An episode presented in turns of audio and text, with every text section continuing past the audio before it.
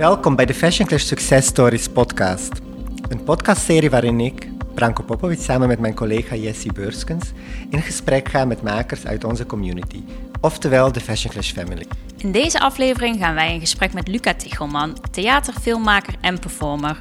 Luca studeerde in 2017 af aan de performanceopleiding van de Maastrichtse Toneelacademie en studeerde vervolgens verder aan de Koninklijke Academie voor Schone Kunsten in Gent. Op dit moment volgt ze een master aan het Piet Zwart Instituut in Rotterdam. Ze nam al een aantal keer deel aan Fashion Clash Festival, meest recent met haar korte film Shirt Stories tijdens de digitale editie van Fashion Clash Festival. Hey Luca, Hey, welkom. dankjewel. Leuk om jou weer te zien. Eh, hoe gaat het met jou? Goed.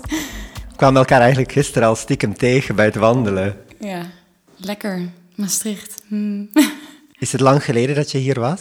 Ja, de laatste keer was eigenlijk met Fashion Clash 2018. Wauw. Ja. Gewoon überhaupt niet, niet hier nog geweest? Nou, ik ben wel tussendoor nog geweest om een voorstelling te spelen, maar echt in Maastricht zijn is natuurlijk iets anders dan dat je even langskomt om even iets te doen. Maar eh, toen in 2018 heb ik ook nog echt een weekend gewandeld en hier geweest. En dus dit keer was ik ook iets eerder gekomen om ietsjes meer van Maastricht te voelen. Wat fijn. En we zitten nu, het is gewoon een dinsdag, een doordeweekse dag. Hoe ziet eigenlijk tegenwoordig zo'n doordeweekse dag voor jou uit?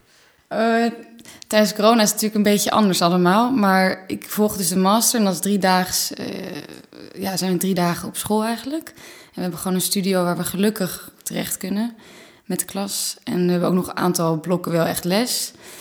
En eh, dus dan meestal op deze dagen ben ik op school.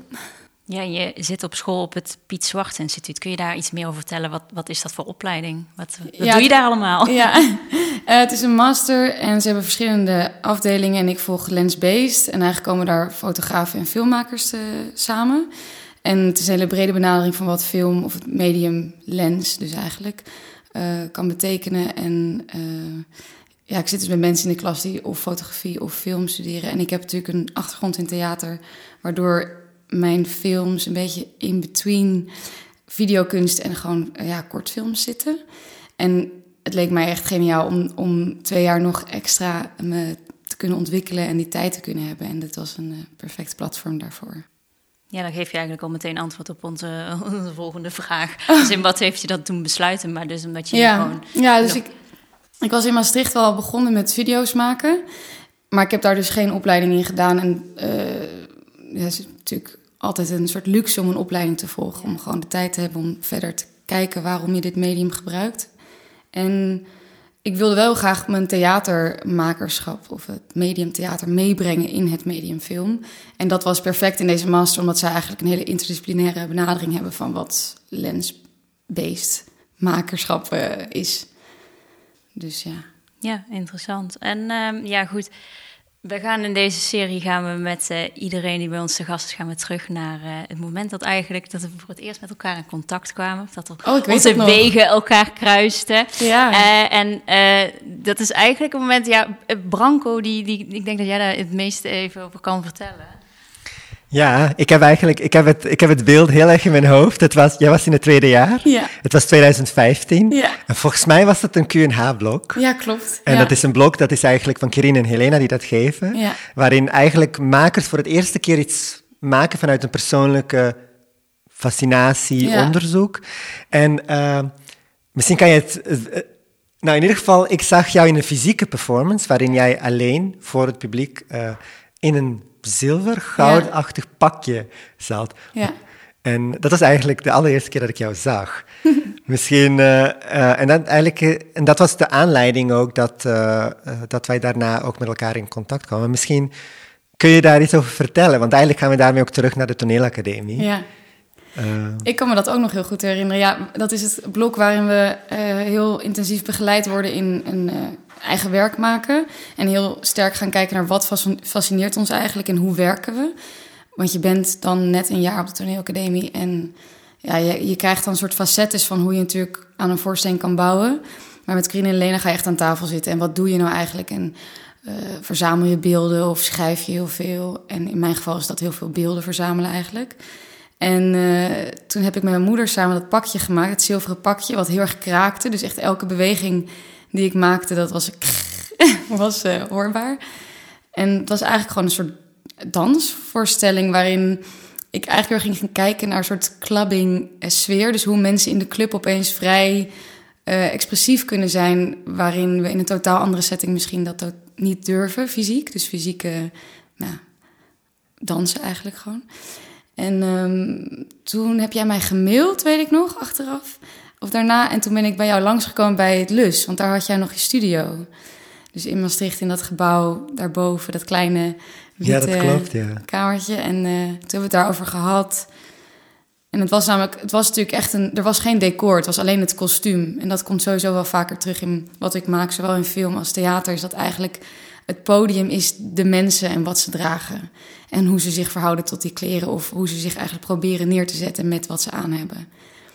En dat was een soort van, ja, het was een soort van uh, soldier bijna, omdat het zo kraakte. Bijna een soort warrior suit.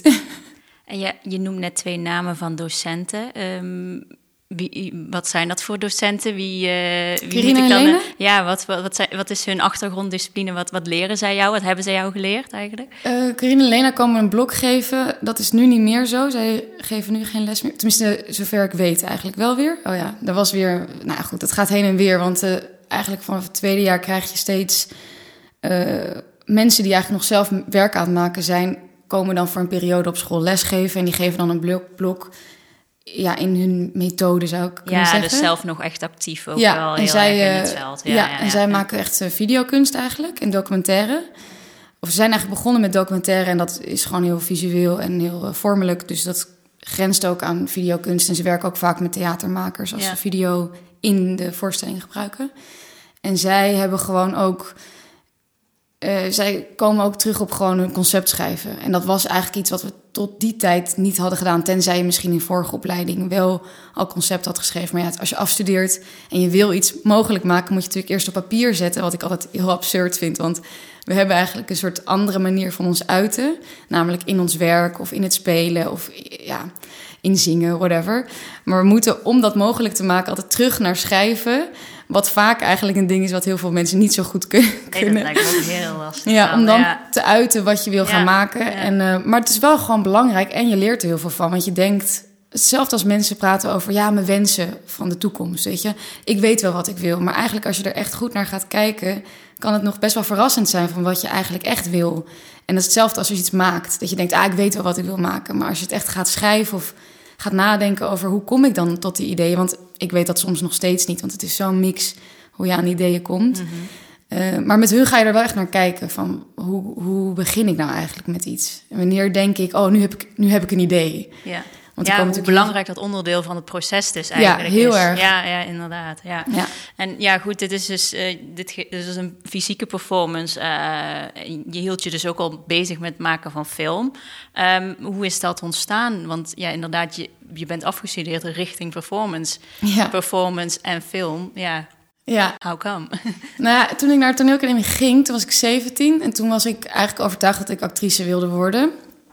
En uh, ik maakte wel uh, kleine dingen bij het jeugdtheater, maar ik was niet bezig met mezelf als theatermaker. Toen werd ik aangenomen voor de performanceopleiding. En toen was het echt een onderzoek van, ja, wat ga ik dan eigenlijk maken? En toen... Uh, ik was nooit overtuigd dat ik bijvoorbeeld een theatermaker was. Maar ik wilde wel graag dingen maken. Dus of ik had wel zelf ideeën of eigenlijk een beeldende wereld in je hoofd... die je tot werkelijkheid wilde maken. En toen was er ook Lotte Milder, die ook vaker met jullie natuurlijk samen heeft gewerkt... Die had toevallig met haar zus een film gemaakt. En ik had vroeger, maakte ik ook altijd films met mijn zus. Dus wel, ik raakte toen met elkaar in gesprek. En toen heb ik haar film gezien, of die ze dus ook met haar zus maakte. En um, vanaf het tweede jaar ook, dus ook in het tweede jaar heb ik voor het eerst een film gemaakt. Toen, dan heb je geloven, dat is eigenlijk het moment dat er auditanten komen. Dus de nieuwe, het nieuwe jaar wordt uh, door, de, door de keuringen gehaald. ja, een nieuwe lichting. En um, dan moeten we eigenlijk het gebouw uit. Want het is natuurlijk ook best een klein gebouw. Dus er is eigenlijk geen ruimte voor ons. Maar daar hebben ze een heel goed concept voor bedacht. Namelijk dat we gewoon eh, buiten school iets moeten gaan maken. En toen ben ik met mijn zus en mijn moeder naar Sicilië gegaan. En hebben we een film gemaakt. Ja, ik, ik geloof heel, dat komt echt door de opleiding ook, zeker door de performanceopleiding, dat je het meeste leert door gewoon te doen. Dus door te maken kom ik er wel achter. En ik heb nog nooit een film gemaakt, behalve dat ik vroeger een soort alter ego celebrity met mijn zus had bedacht. Christina Shanti, wat een soort mix van Shanti en Christina Aguilera was. En daar deden we dan ook interviews mee en, en weet je wel, uh, garderobe shows. En, en eigenlijk doe ik nog steeds hetzelfde, alleen... Uh, dan iets ja, serieuzer. Ik denk in feite, hopelijk spelen we nog net zo goed als wat we deden. En dat is thematisch ook iets wat bij mij terugkomt. Dat we de spelende mens of dat je speelt in je kamer. En dat dat eigenlijk iets is wat... Maar dat is natuurlijk wat jou natuurlijk misschien ook anders maakt dan een typische filmmaker. Kijk, ja. je bent gewoon een performer in, in, in jouw films. Ja. Uh, daar gaan we het straks natuurlijk nog over hebben. Was je natuurlijk, jij, uh, jouw fysieke lichaam, jijzelf, bent ook onderdeel van een narratief. Ja. En, uh, en ik kan ook jou niet loskoppelen van het werk. Waarin ja. het voor mij dan ook gaat. Dat ik denk, ja, al is het een film. Een film kan ook een performatieve film zijn. Absoluut. Het is ja. dus niet per se een narratief film, zeg nee, maar. Nee. En uh, dat is denk ik wel interessant uh, in jouw werk. want is dat de film die je hebt gemaakt met Kim Carson, Solemn, ja. is dat, was dat een, een van je afstudeerwerken? Ja, ja, het laatste jaar. Want uh, dat is dus niet de film die je in Sicilië hebt gemaakt. Dat is nog nee, daarvoor nog had ik in, wat is het dan, 2016 denk ik, hadden we Oom Sonata, had ik met mijn zus dus gemaakt, ja. En de film die je met Kim hebt gemaakt, dat was eigenlijk een best wel met meerdere scènes. Ja. Uh, kan ja, je daar iets over vertellen? Ja, dat was ook in Maastricht opgenomen trouwens. Uh, dus dat was ook leuk om nog in Maastricht iets te maken in mijn laatste jaar dat ik hier nog woonde.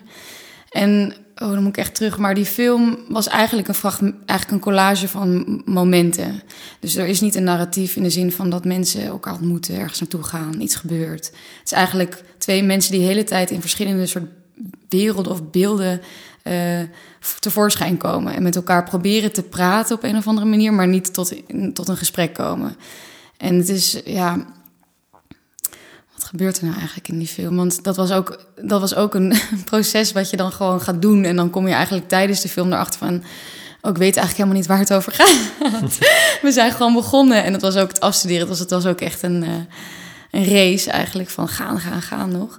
Maar ja, het is niet, wat jij ook zegt, het is geen narratief. Het is bijna alsof wij twee mensen zijn die steeds in een andere setting geplaatst worden en daar een soort houding aan proberen te geven. Dus bijna een soort gefilmde tableau vivants of bijna schilderijen eigenlijk. Ja, want dat is inderdaad, want wij hebben die toen geselecteerd voor de Fashion Clash ja. Film Festival. En in die zin zou je kunnen zeggen, binnen de context was dat een atypische keuze. Ja. Maar wat, uh, uh, wat interessant aan jouw werk is, dat is natuurlijk waarom wij ook met jou samenwerken, vanuit modecontext, is dat natuurlijk lichaam, kostuum, ja. performance, uh, identiteit. Ja dat zijn allemaal onderdelen die heel erg een, uh, elementen zijn van jouw werk. En in de film, inderdaad, wat je zegt, het zijn inderdaad soort tableau vivants van steeds een nieuwe wereld creëren. Ja. Maar dat is natuurlijk wat een ontwerper ook doet. Ja, het zijn wel steeds die, mensen die zich proberen te verhouden tot de vorm van, het, van de kledij en van de omgeving. En, en thematisch bijvoorbeeld voor mij blijft het terugkomen wat ik net ook een beetje zei met het spelen dat we spelen, dat, dat we allemaal verschillende mensen zijn. En dat doe je door middel van verschillende kostuums. Of, maar daardoor zoek je dus ook naar wat je kan zijn. Dus in die zin is het inderdaad zeker verbonden met identiteit. Ook, alhoewel ik dat soms een lastig woord vind, want het is zo'n breed begrip. Ik denk dat het voor mij heel sterk gaat over de mens die zoekt naar verbinding. En door je te uiten in je kleding bijvoorbeeld, verbind je je met een bepaalde groep. Dus behoor je tot een bepaalde groep. Terwijl ik denk dat we ons eigenlijk kunnen verbinden met heel veel groepen mensen. Uh, omdat we misschien eigenlijk misschien wel verbonden met iedereen kunnen zijn. En daarom dus ook steeds van kostuums kunnen veranderen. En dat de werkelijke ik, zou ik maar zeggen, daardoor niet verdwijnt. Sterker nog, sterker wordt. Want elke keer als ik hetzelfde uh, ander kostuum draag, ben ik er nog steeds. Alleen ik speel. Is, want dat is eigenlijk wat je hebt gedaan met je andere film. Ik, ik moet hem even voorlezen. This is and that is and a little bit of this and a lot of that. Ja. Een hele lange titel ja. voor een hele korte film. Ja. ja. Want dat is eigenlijk wat je net hebt uitgelegd, wat ja. je daar verder hebt uitgewerkt. Ja. Um, je hebt eigenlijk, ja, ik kan me herinneren, het was een soort, soort wereldreis waarin we steeds jou zien getransformeerd in ja. een andere personage. Ja, met altijd dezelfde tekst, dus de narration eronder van this is me puntje, puntje, puntje. Dus at a party of this is me feeling that no one understands me. Of allemaal settings eigenlijk, maar altijd me, me, me. Maar elke keer zie je een ander gezicht of een andere ja, kostuum ook. Je ziet wel alleen het bovenlichaam en het hoofd eigenlijk. Het is een soort serie van portretten. En altijd geïntroduceerd alsof het één iemand is. En ik geloof ook dat dat behoort bij één iemand. Dat één persoon is al die mensen kan zijn of eigenlijk is. Ja, je liet net het woord identiteit al vallen eigenlijk. Ja. Hè? Is identiteit, hè, hoe breed of hoe, hoe, klein het misschien ook is, is dat echt een fascinatie van jou? Of is het misschien juist een andere fascinatie waarvan je zegt, nou, dit is eigenlijk iets wat altijd als een rode draad door al mijn werk ja, terugkomt eigenlijk en alles wat ik doe?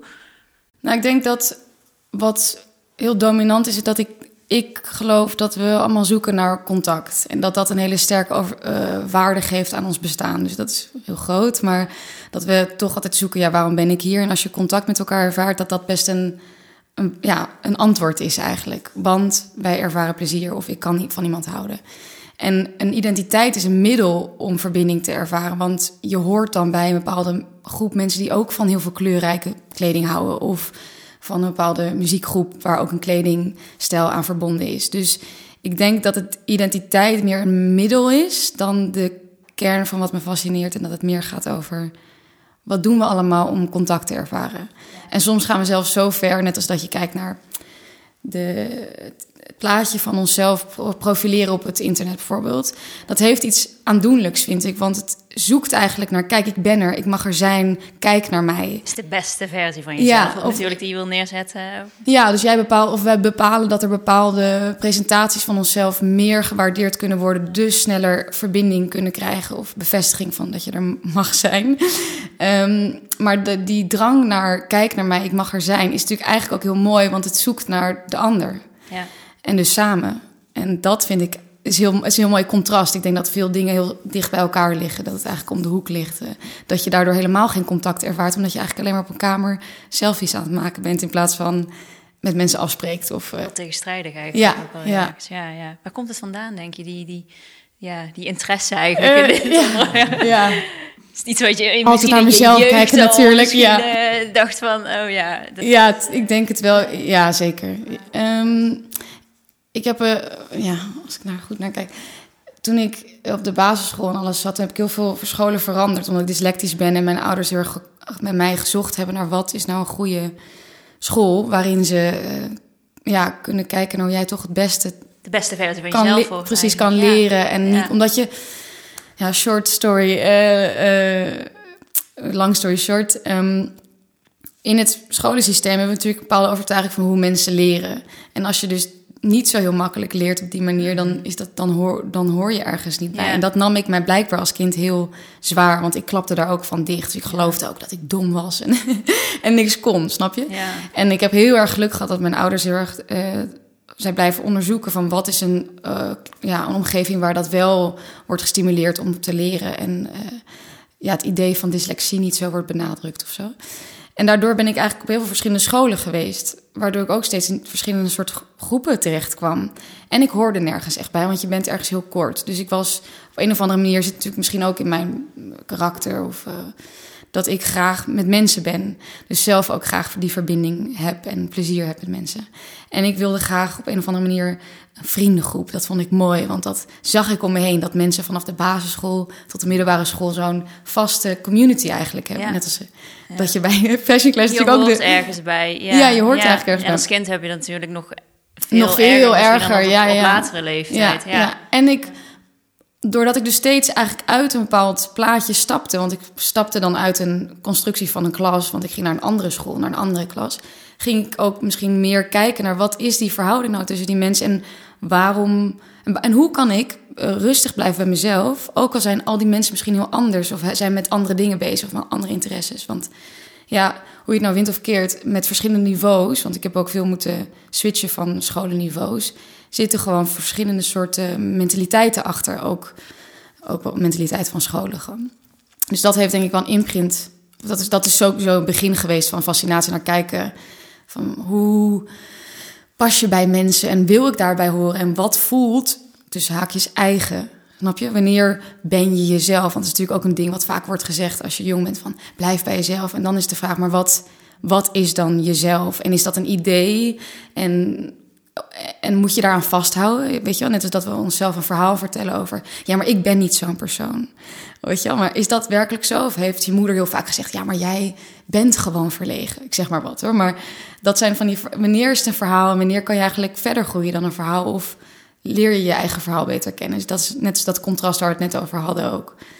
Um, goed, nu ging het een beetje breed, maar... Nee, ja, heel, heel mooi uh, ja, voor woord, denk ik. En ik denk ook wel heel, veel, heel herkenbaar voor veel jonge mensen. Uh, inderdaad, het zoekende zijn naar ja. wie ben ik, waar hoor ik bij. Je wil jezelf ergens plaatsen in een groep in de maatschappij, hè, hoe groot of klein die groep ook is, uh, wat is mijn plek daarin?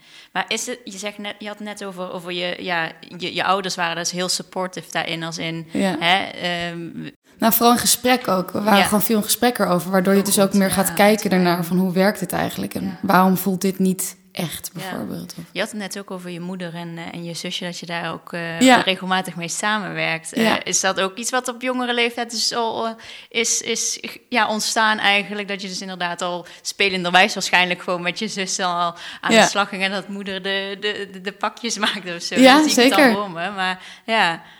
Eh, ja, dat is eigenlijk een soort van vanzelfsprekend gegaan. Ja. Dus ehm, mijn zus heeft eh, animatie gestudeerd, dus die wist gewoon meer van programmeren. En ik, was, ik ben technisch gezien gewoon niet heel erg eh, onderbouwd en ook niet heel erg geïnteresseerd in techniek of zo. Dus het was heel fijn om dat met haar samen te doen. En ehm, mijn moeder heeft eh, zelf mode gestudeerd, alhoewel ze daar niet eh, ja, veel verschillende dingen, ja, veel verschillende dingen naar heeft gedaan.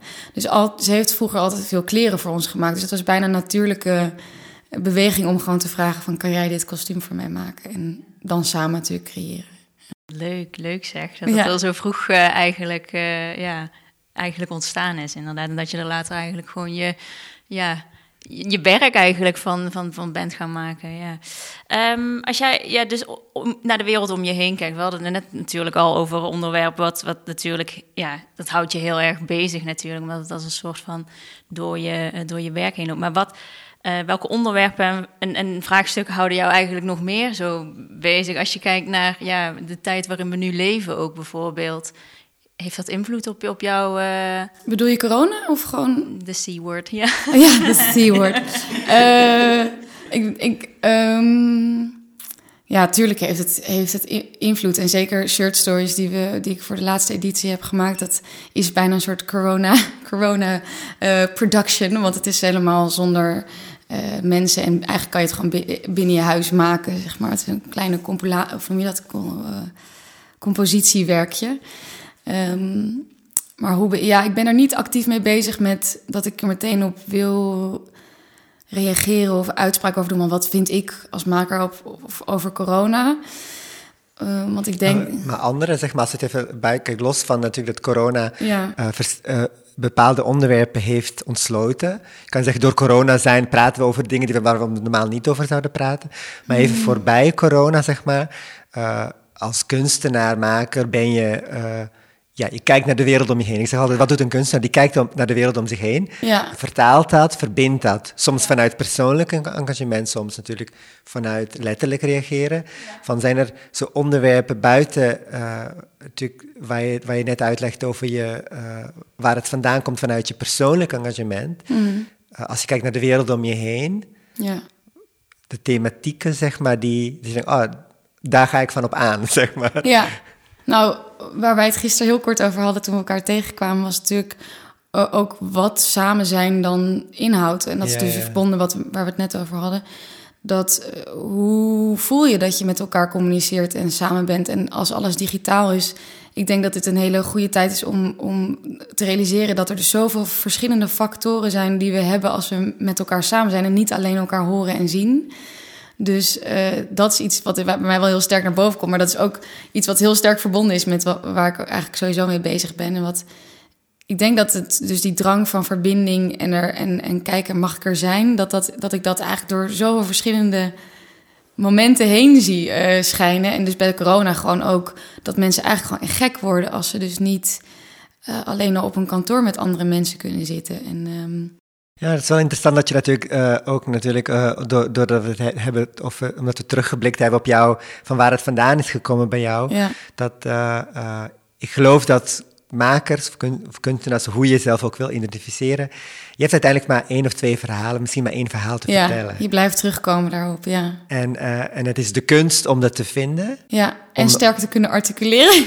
nee, precies. En, ja. en, en soms denk ik, ja, soms, uh, soms heb je ook, uh, in de, en, en je werk is een articulatievorm. Ja. Dit, dit, deze, dit gesprek misschien ook, maar daarom zijn er gesprekken. Maar ik vind het wel interessant inderdaad, je zegt eigenlijk wat corona wellicht nog meer sowieso bewust maakt, is ja, wat is communiceren? Wat betekent dat? Ja. Maakt ook bewust wat, hoe bijzonder het is dat je kan communiceren met elkaar. Hoe we het missen. Ja, en hoeveel verschillende soorten communicatie-elementen er zijn. Dus dat het niet alleen maar elkaar zien is. Dus dat je ook, je voelt gewoon ook hoe iemand, hoe iemand praat is iets heel anders als je dat via een scherm ziet. Of hoe je met elkaar in de ruimte zit. Voel je ook dat als maker, zeg maar, uh, dat iets is waar je je mede verantwoordelijk voor wilt maken, om dat met je werk te, uh, te uit te drukken, mm. of misschien mensen bewust maken ervan, of mensen misschien helpen. Ja, wat ik wel heel leuk, leuk vind om te laten zien, is dat we dus, uh, dat blijft dan wel, dat het. Um, dat je dus heel graag uh, wil laten zien dat je er bent of zo. Dat, want ik heb nu bijvoorbeeld een soort tweede hoofdstuk gemaakt op de film waar we het net over hadden met de lange titel. This, This Is, even afgekort. En dat is één iemand in die film bij This Is, die de hele tijd een andere representatie aanneemt of een ander kostuum aandoet. En nu heb ik een film gemaakt met twee mensen en dan in een kamer die eigenlijk allemaal momenten en ervaringen naspelen of proberen voor te stellen. Dus eigenlijk net alsof je, in je als kind in kamer uh, speelt, uh, doktertje speelt of papa en mama. Maar dat dan door twee volwassene vrouwen uh, ook in een kamer aan het spelen zijn. Daarin gaat het wel ook over van, ja, zijn we dan, durven straks nog buiten die kamer te gaan? Of is het veiliger om het in ons eigen veilige, afgebakende kamertje te reconstrueren? Snap je? Dat je zelf bepaalt wat uh, een setting is in plaats van dat je het aangaat in de echte wereld, zeg maar. Wat is dan de echte wereld? Ja. Dus um, het is niet helemaal een duidelijk antwoord, denk ik, op je vraag, maar het blijft gewoon het tonen dat je, dat je graag dingen wil ervaren met elkaar of wil meemaken en spelen. En, en hoe is dat? Is dat anders? Uh, want als het inderdaad gaat over... Kijk, in theater is het soms heel direct. Je staat voor publiek en daar is altijd interactie. Ja bewust, onbewust, ja. uh, die communiceren met elkaar. Ja. In film is dat wat indirecter. Ja, zeker. Hoe, heb je, hoe kan je dat verschil ervaren? Want natuurlijk, je hebt heel erg behoefte om te communiceren, om te verbinden. Ja, soms ook om juist te laten zien dat mensen niet kunnen verbinden. Dus ja, de laatste film zijn dan twee personages in een kamer die niet... Die kunnen niet buiten die kamer uh, de wereld in, want hun eigen fantasie is is het enige waar ze zich veilig bij voelen. Dus soms door het tegendeel te laten zien, dus dat mensen niet in staat zijn om zich uh, om verbinding te maken met anderen of, of uh, te staan voor wat ze zijn op dat moment. Uh, of juist dat te tonen, om dan in gesprek te kunnen gaan over, ja, want we willen eigenlijk, met, die mensen willen eigenlijk naar buiten en willen eigenlijk een leven buiten die kamer ervaren. En met theater, wat ik altijd heel boeiend vind, er is een heel duidelijk verschil tussen theater en film, vind ik, in hoe je als kijker het ervaart. Want je bent in theater eigenlijk, vind ik, heel erg bewust van je eigen fysieke aanwezigheid als je naar een voorstelling kijkt. Je bent nog heel erg, je ziet daar een lichaam op het podium, die is iets aan het spelen. En ik als toeschouwer zit in deze rode stoel, in de pluche, uh, en ik kijk daarnaar. En bij um, theater ben je daardoor volgens mij dus nog best wel gescheiden. Je voelt nog de scheiding van ik ben hier en dat is de speler. Terwijl met film, omdat het al een afstand creëert, omdat je kijkt al naar een scherm, dus je weet dat die acteurs niet weten hoe jij op dat moment zit, of op dat moment ruikt, of, hoe je, of je echt kijkt naar het scherm, ja of nee. Dus je kan als kijker iets meer loslaten dat, jij, dat jij. Uh, Eigenlijk denk ik dat de film een soort uh, uh, sleutelgat is waar je doorheen kijkt. En je bent dus al aan het begluren, je bent al aan het gluren. Dus je bent al uh, hoe noem je dat? Um, hoe heet dat woord? Voyeur, voyeur precies, ja, voyeur. Je bent al voyeur, dus je kan je eigen fysieke aanwezigheid ook veel sneller vergeten. En je bent ook vaker in een veel donkerdere ruimte dan bij theater toch iets meer licht meestal. Omdat het licht op het podium ook weer kaatst. Dus daar is een soort distantie waarvan ik ook geloof dat in film je soms jezelf sneller vergeet en jezelf sneller zoekt in de mensen die je op het beeldscherm ziet. Dus nog sneller eigenlijk overgeeft aan een ander verhaal, namelijk het verhaal waar je naar kijkt en dus ook kan ervaren. Dus die distantie creëert ook een soort eigenlijk uh, dichterbij ervaring of, of uh, overgave om je als toeschouwer te verliezen, zou ik maar zeggen. Ja, ja, dat is natuurlijk. Kijk, en in theater kan je natuurlijk ook soms letterlijk het publiek ook mee laten doen. Dus het publiek kan ook deel van het beeld worden. Ja. In film. Kan wel, kan maar wel. dat haal je meestal weg, zeg maar. Ja. het is er niet. Alhoewel, ik denk dat mijn werk wel een beetje. Um, balanceert op gefilmde, uh, gefilmde performance of gefilmd theater. En echt, uh, ja, want je hebt natuurlijk een soort traditionele idee over hoe film wordt gebruikt. Of wat je echt met film kan doen. En eigenlijk een van mijn grootste redenen is dus waarom ik met film graag werk, is dat je dus die distantie hebt, waardoor je ook nog theatraler kan gaan. Want je hebt al een soort overgave, want je kan al, je bent al aan het begluren. Je bent al vailleur.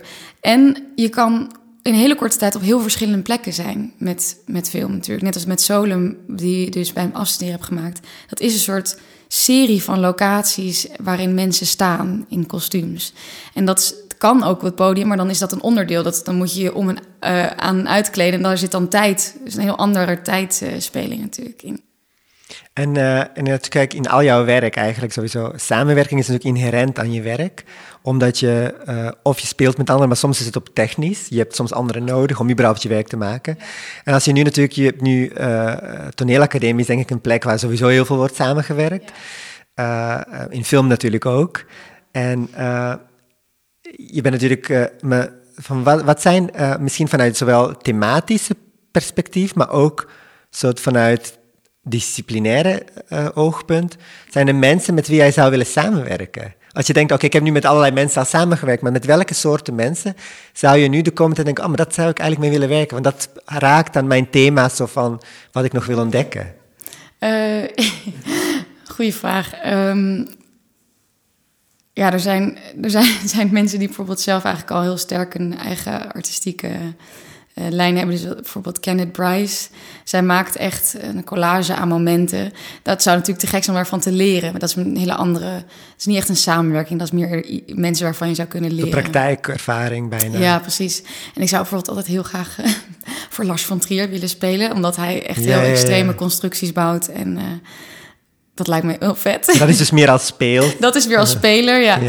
ja. Um, maar want je vroeg natuurlijk over de constructie van samenwerken. Ja, dus aan de ene kant heb je het in vakinhoudelijk, van, vanuit thematieken, zoals je het net had over verbinden of uh, communiceren. Van zijn daar, denk oh, maar dat is iemand, ik zie daar uh, een bepaalde manier van werken, dat raakt aan mijn, uh, aan mijn thema's. Ja. Maar dat is, misschien is dat ja, ook... er zijn er absoluut mensen hoor. Ik moet alleen echt even nadenken. Die mag je er straks ook in, in gooien. Er nog achteraan, ja, ja. Wat ik sowieso eigenlijk neig te doen, is met een heel klein uh, clubje mensen te werken.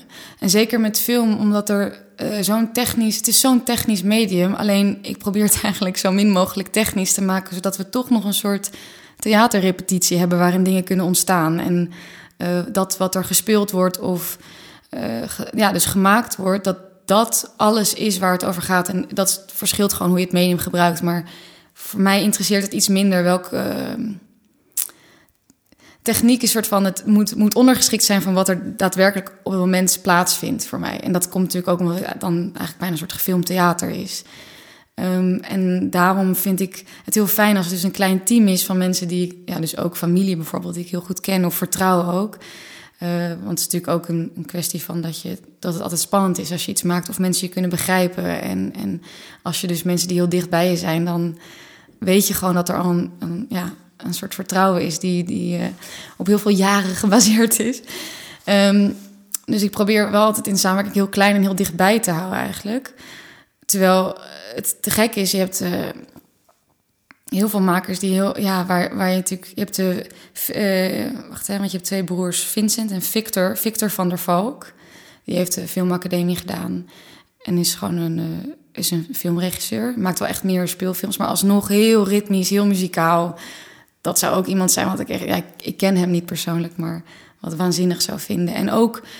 En met mode, eigenlijk ook wel echt met designers. Ja, omdat dat zo'n groot element is in wat ik maak, is het te gek om ook met mensen die uh, vanuit kleding echt uh, werken samen te komen. Ja, ja dat, dat kan ik inderdaad bij jou, want jouw werk heeft heel erg een. Uh, voor mensen zeker een aanrader om het te zien, ook omdat het natuurlijk heel erg esthetische.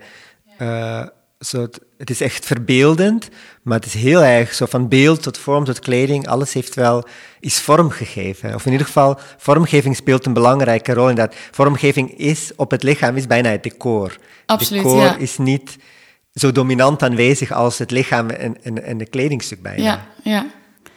ja absoluut. Ja. Dus dat is, dat is nog iets wat echt, dat zou een te gek onderzoek nog zijn om met, met uh, modeontwerpers samen te werken. En hoe, uh, want als het gaat natuurlijk samenwerken, kan ook zijn, kijk, wij, hebben nu een aantal keer met jou gewerkt, uh, jouw werk gepresenteerd.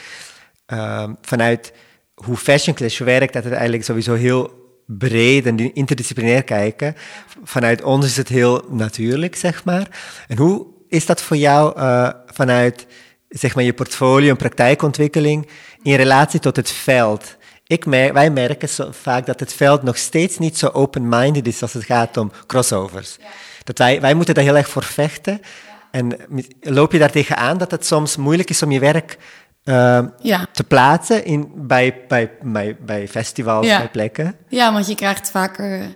Bij filmfestivals is het vaak... Ja, dit is te, dit is te muziaal. Dit is te kunstig. En dan krijg je bij kunst... Ja, dit is te film. Dit is te verhalend. Of, maar dat, is, dat, dat komt eigenlijk is dat ook nog verbonden aan de thematiek waar ik het eigenlijk over heb. Dat we dingen proberen te begrijpen. En bij wie hoor je en wat ben je en welk. En het is ook heel logisch, hè? want dat is dus een manier van dat we elkaar kunnen begrijpen en met elkaar in gesprek kunnen gaan. Dus, oh, jij maakt films. Oh, ik maak ook films. Wij kunnen met elkaar in gesprek. Uh, dus het is ook logisch, maar het is ook beperkend of zo. Dus ik merk dat inderdaad. En ook omdat ik zelf vaak speel in mijn eigen werk. En dan uh, ook graag speel voor andere mensen, gewoon als actrice. Zeker na het afstuderen is dat een dingetje van wat, wat, wat ga je eigenlijk doen? En welke uh, ja, mensen kunnen bij jou aan, kan je, kan je bij aankloppen? Want je, wat ben je dan eigenlijk? Ben je een filmmaker? Ben je een videokunstenaar? Ben je een actrice? Ben je een theatermaker? Maar ergens is dat ook wel jammer, want, want wij merken, wij proberen heel erg geïnteresseerd zijn op het uh, verhaal wat iemand wil vertellen, niet zozeer de discipline. Ja, ja. En, en, dat het eigenlijk zou moeten gaan om wat heeft zij te vertellen en niet ja. wat, welk medium brengt zij in. Ja, en ik denk dat dat iets heel uh, praktisch is, ook van hoe mensen gewoon gefinancierd zijn en hoe ze, ja, wat hun, wat hun uh, profiel is. En ik denk dat er absoluut, en niet eens, het is niet eens nieuw als je kijkt naar naar, naar, de kunstgeschiedenis, is het helemaal niet nieuw dat kunstenaars heel veel verschillende media gebruiken om, om zichzelf in te uiten. Dus het is eigenlijk heel tegendraads. Maar alsnog is het soms, ja, willen mensen, willen mensen je begrijpen. Dus, dus ik, ik herken het wel. Ik probeer het niet te zien als een soort probleem of zo. Ik denk dat het gewoon ja, ook soms tijd nodig heeft. En ik heb, ben natuurlijk ook nog bezig met mezelf te, te articuleren. Want ik heb daarom ook, ben ik ook begonnen aan de master. Want ik wel voelde van ik wil nog beter leren wie ik dan ben als videomaker. Omdat ik, ik ken mezelf dan als theatermaker, maar ik voelde niet de noodzaak om daar mijn carrière uh, verder in te gaan uh, opbouwen. Maar wel in film. Maar wat, wat maakt mij daarin dus uh, goed of anders? Geeft het je een bevestiging, denk je? Als je uiteindelijk dus misschien ja, die ervaring dus in een opleiding uh, opdoet? Of? Nou, het is echt een luxe ding om, om, om gewoon uh, de tijd te geven. Het is echt een kader aan mezelf geven om, om nog verder uit te zoeken wat ik daarmee wil. En, want we hebben het ook al eerder over gehad dat mijn verhalen niet heel narratief zijn. Maar ik ben wel erg gefascineerd naar hele psychologisch gelaagde karakters vaak. En dat is gewoon nog een vraagstuk van kan ik dat in mijn eigen werk ook vangen? Kan het en visueel heel aantrekkelijk zijn, maar kan het ook mensen en hun uh, zoektocht naar, ja, whatever, uh, nog meer in beeld brengen? En kan ik dat samenbrengen? Blijft het niet alleen een visuele ervaring, maar ook een psychologische ervaring? Ja. En dat is dus echt mezelf tijd geven om dat, om dat uit te zoeken. Ja. En die tijd die mag je jezelf natuurlijk ook gewoon nemen. Ja, ja. zeker weten. Ehm, in de intro had het wel heel kort over shirt stories natuurlijk. Ja. je, ehm, ons, ja, het is eigenlijk ontstaan naar aanleiding van een opdracht die je van ons kreeg van, Ja. vanuit Fashion Clash. En wij vroegen jou om eh, ja, eigenlijk een living exhibition te creëren. En als mensen zitten te luisteren en denken, Hè, wat, wat is dat dan? Dat, dat kunnen ze nog allemaal terugvinden op, eh, op ons YouTube-kanaal. In ieder geval, maar goed, je hebt daar uiteindelijk dus een, ook een verhalende kort film eh, eh, van gecreëerd. eh, waarbij je heel erg speelt met die kracht van verbeelding weer ook. Identiteiten eigenlijk. Een shirt, ehm, t-shirt. Het heeft een hele duidelijke link naar mode natuurlijk. Ik denk dat het voor, voor heel, eigenlijk bijna iedereen wel duidelijk is waar, ja, waar het over gaat in die zin. Ehm, maar hoe kijk jij naar de modewereld? Als, als, als consument, als maker, als echt, ja, eigenlijk in de breedste zin van het woord misschien wel. Eh, ja, ik vind het in eerste instantie vind ik kleding echt een geweldig feest van expressie en, en, en een heel speels medium, om het zo maar te noemen ook. Ehm, en, ehm, maar bijvoorbeeld als je gewoon puur kijkt naar wat er beschikbaar is, vind ik het vaak heel lastig, omdat het gewoon heel vaak niet gaat over eh, aandacht en een verhaal bijvoorbeeld qua kleding. Want daar shirt story is natuurlijk ook gewoon een shirt waar dan een verhaal aan verbonden wordt, waardoor het shirt niet alleen maar een shirt is, maar een herinnering of een moment eigenlijk wordt van iemand. En ik denk dat we toch wel in een tijd leven waarin kleding niet vaak die aandacht of verhaal krijgt, maar onderdeel is van een hele snelle zoektocht naar wat je allemaal kan zijn. En ehm, ja, ik, het lijkt mij fantastisch als er eigenlijk wat meer aandacht is voor wie de kleren heeft gemaakt, waarmee, hoe lang je ermee eh, eh, kan eh, spelen. Want ik, bijvoorbeeld eigenlijk alle kostuums die ik gebruik, bijvoorbeeld in mijn werk, zijn allemaal van mijn grootouders of van mijn eigen ouders die ze zelf hebben verzameld. En eigenlijk koop ik vrijwel niks extra's of nieuws voor de dingen die ik maak, omdat ik geloof dat je er eigenlijk heel veel mee kan. Ehm, en het is een beperking die me mijn vrijheid biedt. Want ik heb gewoon die stapel met kleren. Ja, Hoe creëer ik nieuwe... eigenlijk Ja. om in te, ja. Verzamel, ik heb een verzameling en die verzameling is eigenlijk ook nog een soort onderdeel van de mensen die mij hebben gemaakt eh, tot wie ik ben tot nu toe. ja, ja. En eh, hoe speel ik daarmee en wat kan ik daar eigenlijk mee? En, en soms mis ik die aandacht en eigenlijk verbinding met kleren in, in, de, in de tijd waarin we leven. En is het natuurlijk, ja, fast fashion, slow fashion, la la la.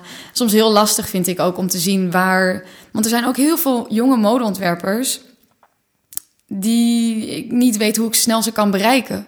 Want je hebt natuurlijk wel Instagram en alles, maar hoe... Ik moest er laatst aan denken dat iemand vroeg of ik kos, eh, kostumering wilde doen voor een voorstelling. En jij hebt natuurlijk hele mooie, hele dure merken, maar dat is dan niet in het budget eh, te mogelijk. En we- ik weet gewoon dat ook bijvoorbeeld op de Rietveld Academie mode eh, afdeling... dat er gewoon heel veel mensen zitten die zelfgemaakte hele mooie dingen maken. Maar hoe bereik ik die mensen? Dat is soms nog eens een lastige verbinding of zo om ze te vinden. Nou is Fashion Class eigenlijk een hele goeie, want dan kan je gewoon heel veel verschillende mensen, hele verschillende makers, jonge makers vinden. Ja, je kan dan met genoeg eh, in contact komen inderdaad. Absoluut. Ja, als je zegt, nou, eh, ik zoek Ja. nog eh, specifiek Nou ja, was grappig, we zijn er als ik- schakel. Dus, Ja. ja.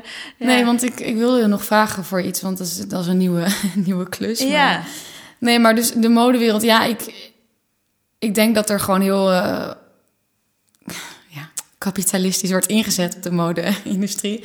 En dat dat soms eigenlijk ook een beetje kapot maakt wat er allemaal te vinden valt in, in, in kleren. En ja het, het maakt het, het, het, het imago inderdaad, het, het, het mode als, als kunstdiscipline eigenlijk. Ja. Ik krijg daardoor misschien ook wel een hele, ja, ja, als je met mode bezig bent, denk ik dat veel mensen misschien denken dat het iets oppervlakkigs is. Of dat je dus heel erg met je eh, uiterlijk bezig bent en dat het dan iets, dat het dan iets een oppervlakkige is, bezigheid is. ja. Terwijl het natuurlijk eigenlijk een feest is van onderzoek en ja, wat je allemaal, wat, ook wat voor reacties je allemaal kan krijgen met verschillende soorten kleren. En Ja, en de waarde van kleding natuurlijk. Voor jou Ja. zijn die, die, die, eh, die kledingstukken die je dus in je, ja, eigenlijk in bezit hebt, in jouw ja, archief van Ja. je grootouders, je ouders, eh, die zijn van jou van. Ja, ze zijn misschien van, niet van, van financiële waarde eh, Nee. heel hoog, maar voor emotionele waarde zeker. Enorm. En ja, dat je ze natuurlijk dan ook nog in je, in je werk kan toepassen, ja, dat, Ja. Is, eh dat is een cirkel rond, zou je Ja, en mijn, mijn broer, mijn zus en ik, die lopen eigenlijk 50-50 in de kleren van mijn grootouders. Want die hebben zo goed voor hun kleren gezorgd. En dat waren ook gewoon betere kleren eigenlijk. Ja, vroeger Eh, werd alles eh, met veel meer liefde gemaakt. Veel ook meer kwaliteit, Ja, ja. ja, ja. Dus wij zijn hele, onze eh, stijl, zou ik maar zeggen, Ja. is eh, volledig beïnvloed door wat zij hebben bewaard. En eh, wat wij hebben be- gehouden. Ja. Maar dat is wel, dat is wel heel mooi, want eigenlijk, eh, eh, als, als we kijken naar shirt stories, dat is misschien het meest narratieve geworden van wat. Want an- jouw andere werken waren inderdaad wat abstracter of veel meer zo psychologische Ja. narratief, zou je kunnen zeggen. ja. En eh, in shirt stories, dat vonden wij, dat, daarom werken wij graag met, met andere kunstvormen ook samen, omdat het ook iets teruggeeft aan de mode. Eh, jij geeft daarmee nieuw verhaal terug van hoe kunnen we naar mode ook kijken. Dus, eh, en ik denk zeker in deze tijden waarin je precies alles wat je aanstipt, zo die evaluatie van kleding, eh, hoe mensen daarmee omgaan, is dat we, mensen vergeten dat voedsel en mode staan at the top, of the, top van de piramide. Dat, zijn, dat is een technologie die, waar we gewoon, daar denken we niet eens over na dat we daar niet zonder kunnen. Het is er gewoon. En, eh, en we, ja, hoe we daarmee om moeten gaan. En kunst kan wel helpen om daar, eh, en zeker in, in jouw werk, vinden, ja, waren wij, wij waren in ieder geval heel gelukkig dat je als je als kijker, kijk in ieder geval wij als platform ook, maar wij zien het natuurlijk ook als kijker, het werk, dat je gelukkig kan worden van eh, de, de schoonheid van de verbeelding van iets heel simpels als, Heel een, als een shirt, Ja. zeg maar. Ja, want ook als we het dan ook hebben over bijvoorbeeld de waarde van kleren. Wat ik nog wil zeggen over de shirt stories is dat ehm, soms denk ik ook niet dat het per se gaat over dat je de beste kwaliteit hebt, maar dat je misschien heb je gewoon een t-shirt van, van helemaal niet zulke goede stoffen of whatever, maar de, de aandacht, hoe je ermee omgaat, is ook gewoon heel belangrijk. Dus dat je het niet elke keer weggooit, maar dat je het behoudt en ja, eigen wordt, doordat het verslijt Helemaal mee eens. Ik denk dat dat een heel groot probleem Ik zeg altijd zo, wat mensen snel eh, voelen zich aangevallen of ongemakkelijk als het gaat over die, zo de, de duurzame modeagenda. Ja. Dat men zegt, ja, maar ik, ik, ik, ik weet ook niet, hoe- ik, doe, ik, doe, ik ben er slecht bezig. Of, Ja. Ik zeg dan, nee, maar het gaat er niet om waar je koopt, wat je koopt. Het gaat erom, hoe ga je met alles om? Met al je spullen. En zo die empathische, we vergeten soms de empathie Van materiaal. naar mensen Ja. en de wereld om ons heen. En ik denk als we allemaal iets beter eh, met onze spullen om zouden gaan, of alles wat om, dan is dat al genoeg. Ja, het is eigenlijk echt wel ja, bewustwording eigenlijk ook. Want waar komt het shirt vandaan? Wie heeft dit shirt allemaal aangeraakt voordat ik het überhaupt zag? Weet je wel, waar is het allemaal geweest? En niet dat dat dan perfect hoeft te zijn, want dat is ook heel moeilijk. En dan raak je ook heel vaak in de war. Net als inderdaad met eten. Als je goed gaat kijken van ja, waar, waar is dit geweest? Welke gifstoffen, welke niet-gifstoffen is het wel?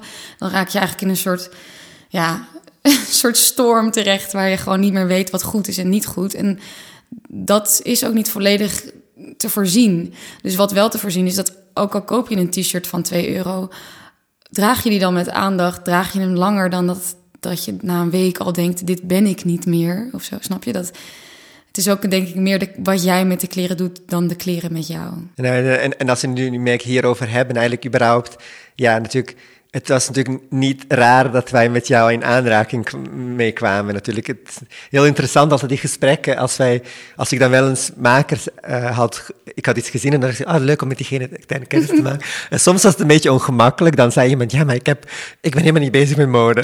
Oh ja, ja. Zo had je er ook een aantal. Of sommige, en dan vertel je, denk je, ja, maar in je werk gaat het hierover.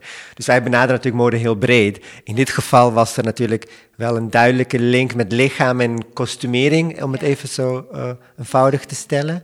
Maar natuurlijk, het maakt wel degelijk een heel groot deel van je, van je leven. En het is heel mooi dat, eh, ja, hoe, hoe dat in jouw geval letterlijk eh, van generatie tot generatie is, is meegegaan. Ik vind het altijd fantastisch om dat te horen, want je denkt, ja, dat is eigenlijk wat je hoopt dat dat nog bestaat in de, in, in, in, in de wereld. Deze tijd. ik, denk, ik denk wel meer dan we, dan we misschien zien. Eh, dat er veel meer mensen zijn die wel mm, nadenken over hun kleren in, in ook waar, ja, wat voor waarde je eraan geeft. En even zo, als natuurlijk, je hebt het al iets over verteld, natuurlijk van, ja, je wil- wilde natuurlijk vrij jong eigenlijk, dat je dacht van ik wil wel iets met theater doen. Maar kan je een moment herinneren dat je dacht van ik wil de kunsten in? Ik bedoel, misschien is het de kunsten breed of, is het, of was het meteen al dat ik wil theater? Ik wil... Uh, ja, ik weet het nog heel goed eigenlijk. Uh, ik heb dit verhaal ook volgens mij zo vaak verteld. Maar niet aan ons. ja, uh, nou ik, ik speelde gewoon heel veel als kind in mijn kamer. En ik vond het ook heel fijn om soms alleen te spelen, want dan kon ik verschillende rollen spelen. Dus kon ik het hele toneelstuk gewoon zelf uit, uitvoeren. En soms deed ik ook aan dat ik films keek en terwijl ik ze keek eigenlijk meespeelde. Of naspeelde eigenlijk. En ik was dol op de Moulin Rouge, ook vanwege de kostumering. Is eigenlijk een heel simpele... Uh, niet simpele. Die set, die wereld is heel klein, maar ze doen ongelooflijk veel met kostuums en decor. En echt veel kostuums. En dat vond ik, ja, dat vond ik dus toen al ergens heel mooi. En uh, ik heb ook heel erg mijn best gedaan om dat dus ook met mijn moeder na te construeren. Dus kostuums namaken en dergelijke. En Terwijl ik dus, ik kan me heel goed herinneren in een kamer bij mijn ouders thuis, dat ik aan het spelen was met op het tv'tje, grijs klein tv'tje, de Moulin Rouge. En dat als kind word je natuurlijk ook al gevraagd, wat wil je worden? Ook weer verbonden met de identiteit trouwens. Dus wie ben je, wat ga je doen, wat word je, wat wil je worden? Dus je wordt eigenlijk op jonge leeftijd al bewust ge, uh, geactiveerd om na te denken over wat je wil worden. En toen ik dus aan het spelen was, toen realiseerde ik me dus op een bepaald moment van, ah ja, die mensen in dat schermpje zijn dus ook mensen die dus hm. aan het spelen zijn. Dus dat is een beroep. Ah ja, dan wil ik dat wel doen. Zo, dat was de link eigenlijk. dat is eigenlijk, ik kan me dat heel sterk herinneren nog. Dat ik dat echt was, echt een soort realisatie van... ah ja, dit is niet alleen deze film, dit is natuurlijk gemaakt. En dat kan ik dus doen. En dus dat was heel En dat blijft eigenlijk terugkomen. Net als dat thematisch bij mij terugkomt dat we allemaal aan het spelen zijn de hele tijd. Dat doe ik natuurlijk eigenlijk nog steeds. Dus in die kamer spelen, verschillende rollen. En dat was dus toen, toen ging ik gewoon veel meer naar theater als kind. Maar ik was toen wel echt jong. Ik denk dat ik toen uh, zeven was zelfs of zo. Ja, maar dat is dan best wel op een, op een jonge leeftijd. Ja, en dan ga je dat natuurlijk zeggen en dan wordt dat ook versterkt doordat mensen, oh nou dan gaan we naar het theater nog meer. Of ja, je, ik ging natuurlijk wel, ik ging wel eens naar het theater. was niet heel actief of zo in de familie. Maar je was je dus wel op jonge leeftijd heel bewust van, oh, dit is iets wat het kan. Het, hè? Kan, het is, ja. Uh, het is, uh, het is ja, eh, binnen mijn bereik misschien ook wel. Ja, ja. Durfde, dat als kind heb je natuurlijk misschien nog een veel Geen idee. Ja, bredere, uh, grenzeloze fantasie natuurlijk ook wel. Maar dat dat ook echt iets concreets is wat je, ja, je kan ervoor naar school gaan, om het veel plat te zeggen. Ja. Als jij uh, nu uh, afgestudeerd bent, wat, uh, je bent natuurlijk, je oh, maakt al vrij werk, hè? maar de, de, de wereld ligt aan je voeten. Wat ga je doen? Nou, ik zou het heel vet vinden om een combinatie te maken van eigen werk en in opdracht. Dus bijvoorbeeld deze film Shirt Stories, wat ik eigenlijk heel fijn vind, is dat het heel duidelijk is dat ik ook een verbinding maak met fashion. Je een opdracht ook. Ja, ja. dus in opdracht met mijn eigen artisticiteit. Dus dat is ook natuurlijk een ding wat ik graag binnen die master doe. Is dat ik sterker articuleer wat, mm, wat ik doe. Of wat mij eigen maakt, om het zo maar te zeggen. Dus mijn uh, signatuur te articuleren. Zodat ik dat ook kan gebruiken in opdracht. Voor totaal ook commerciële opdrachten. En ik zou het gek vinden om videoclips of reclames te doen. Maar dan op een hele speelse en vormelijke manier die mij eigen wordt of is. En dat is dan weer ook veel commerciëler eigenlijk. Ja, wel. ja. Dus, uh, ja lijkt mij uitdagingen die uh, ja. ja, die combinatie. Dus ja. uh, nog wel gewoon eigen, de eigen verhalen die ik graag wil, wil maken, ook blijven doen. Maar dat in combinatie lijkt mij echt. Ja, je bent er niet bang voor in ieder geval voor die hoek.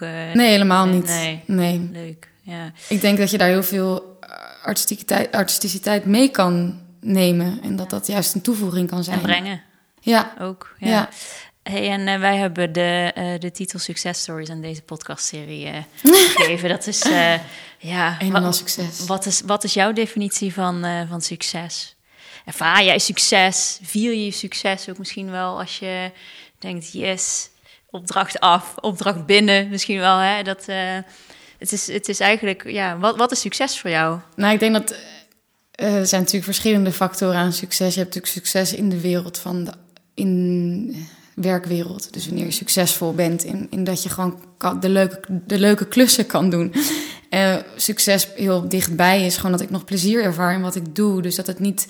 Ik kan natuurlijk heel veel werk hebben en uh, succes hebben. Dus in de zin van dat ik veel werk heb en daarvan kan leven. Ehm, maar het zou kunnen dat ik daar misschien geen plezier in ervaar. Ja, dus ik denk dat het, het succesvol is om heel eerlijk naar jezelf te blijven of je nog plezier ervaart. En natuurlijk maak je soms dingen waar je niet 100% achter staat. Want dat is ook altijd nog een zoektocht. En het ene werk past dichter bij jezelf dan, eh, dan het andere. Ja, ja. Dus, en, en het is natuurlijk wel een succes dat je gewoon kan doen waar je, waar je dus plezier in ervaart. En dat je daar ook nog van kan leven. Of dat dat niet een een en al strijd is om het mogelijk te maken. Dus dat is natuurlijk ook wel succes, dat je gewoon wel klussen krijgt. Ja, dat is natuurlijk ook een feest. Als mensen erkennen dat het, dat het van waarde is, is natuurlijk nou, wederom die verbinding. Dat mensen zien dat je iets te delen hebt wat leuk is of, of interessant of, raak, of ja, raakt. Dat is natuurlijk wel een succes. Dat het niet alleen bij mij iets is wat mij bezighoudt. Uh, dus ja, verschillende manieren van succes. Ik denk dat het geen succes is als ik heel veel geld verdien. Ja, dat zegt iedereen natuurlijk. Ik zou het heerlijk vinden om geld te verdienen hoor, geen probleem. ik wil gewoon wel graag ook geld verdienen en op vakantie kunnen. Ja, dat, eh, dat mag je ook gewoon zeker ja, uh, zeggen, toch? Ja, dat hele romantische idee van... Um, ik denk dat het geen ik ga kapot, meer te zijn. Ik, ik heb het koud, maar ik kan doen wat ik wil. Dat is gewoon volgens mij ook niet helemaal waar. Je wil ook wel warme trui aan kunnen trekken als het koud is. Ja, ja, ja. ja. En tot slot nog een vraag eigenlijk, ook weer met betrekking tot de toekomst. Waar droom je van?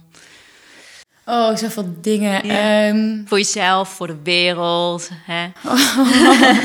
hele kleine vraag. Hele kleine vraag. um, jeetje, voor mezelf, voor de wereld. Uh, Misschien wel gewoon wat je net zei. Lekker blijven kunnen doen blijven wat je maken. Doet. Ja.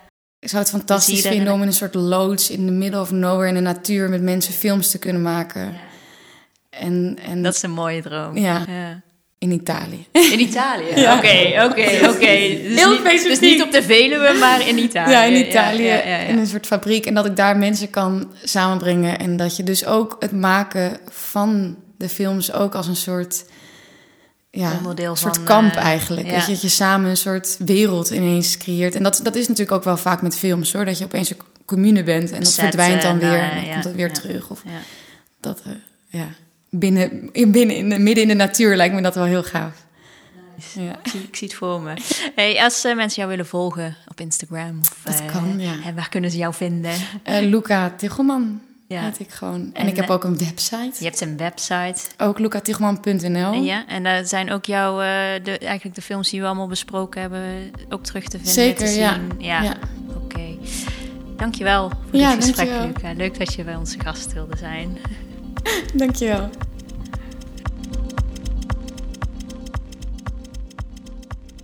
Dank voor het luisteren naar deze aflevering van de Fashion Clash Success Stories podcast. Wil je meer weten over Fashion Clash? Ga dan naar onze website fashionclash.nl of volg ons op Instagram at fashionclash-festival. Deze podcast is geëdit en muzikaal vormgegeven in samenwerking met Mark Mahfood. Vond je dit een leuke podcast?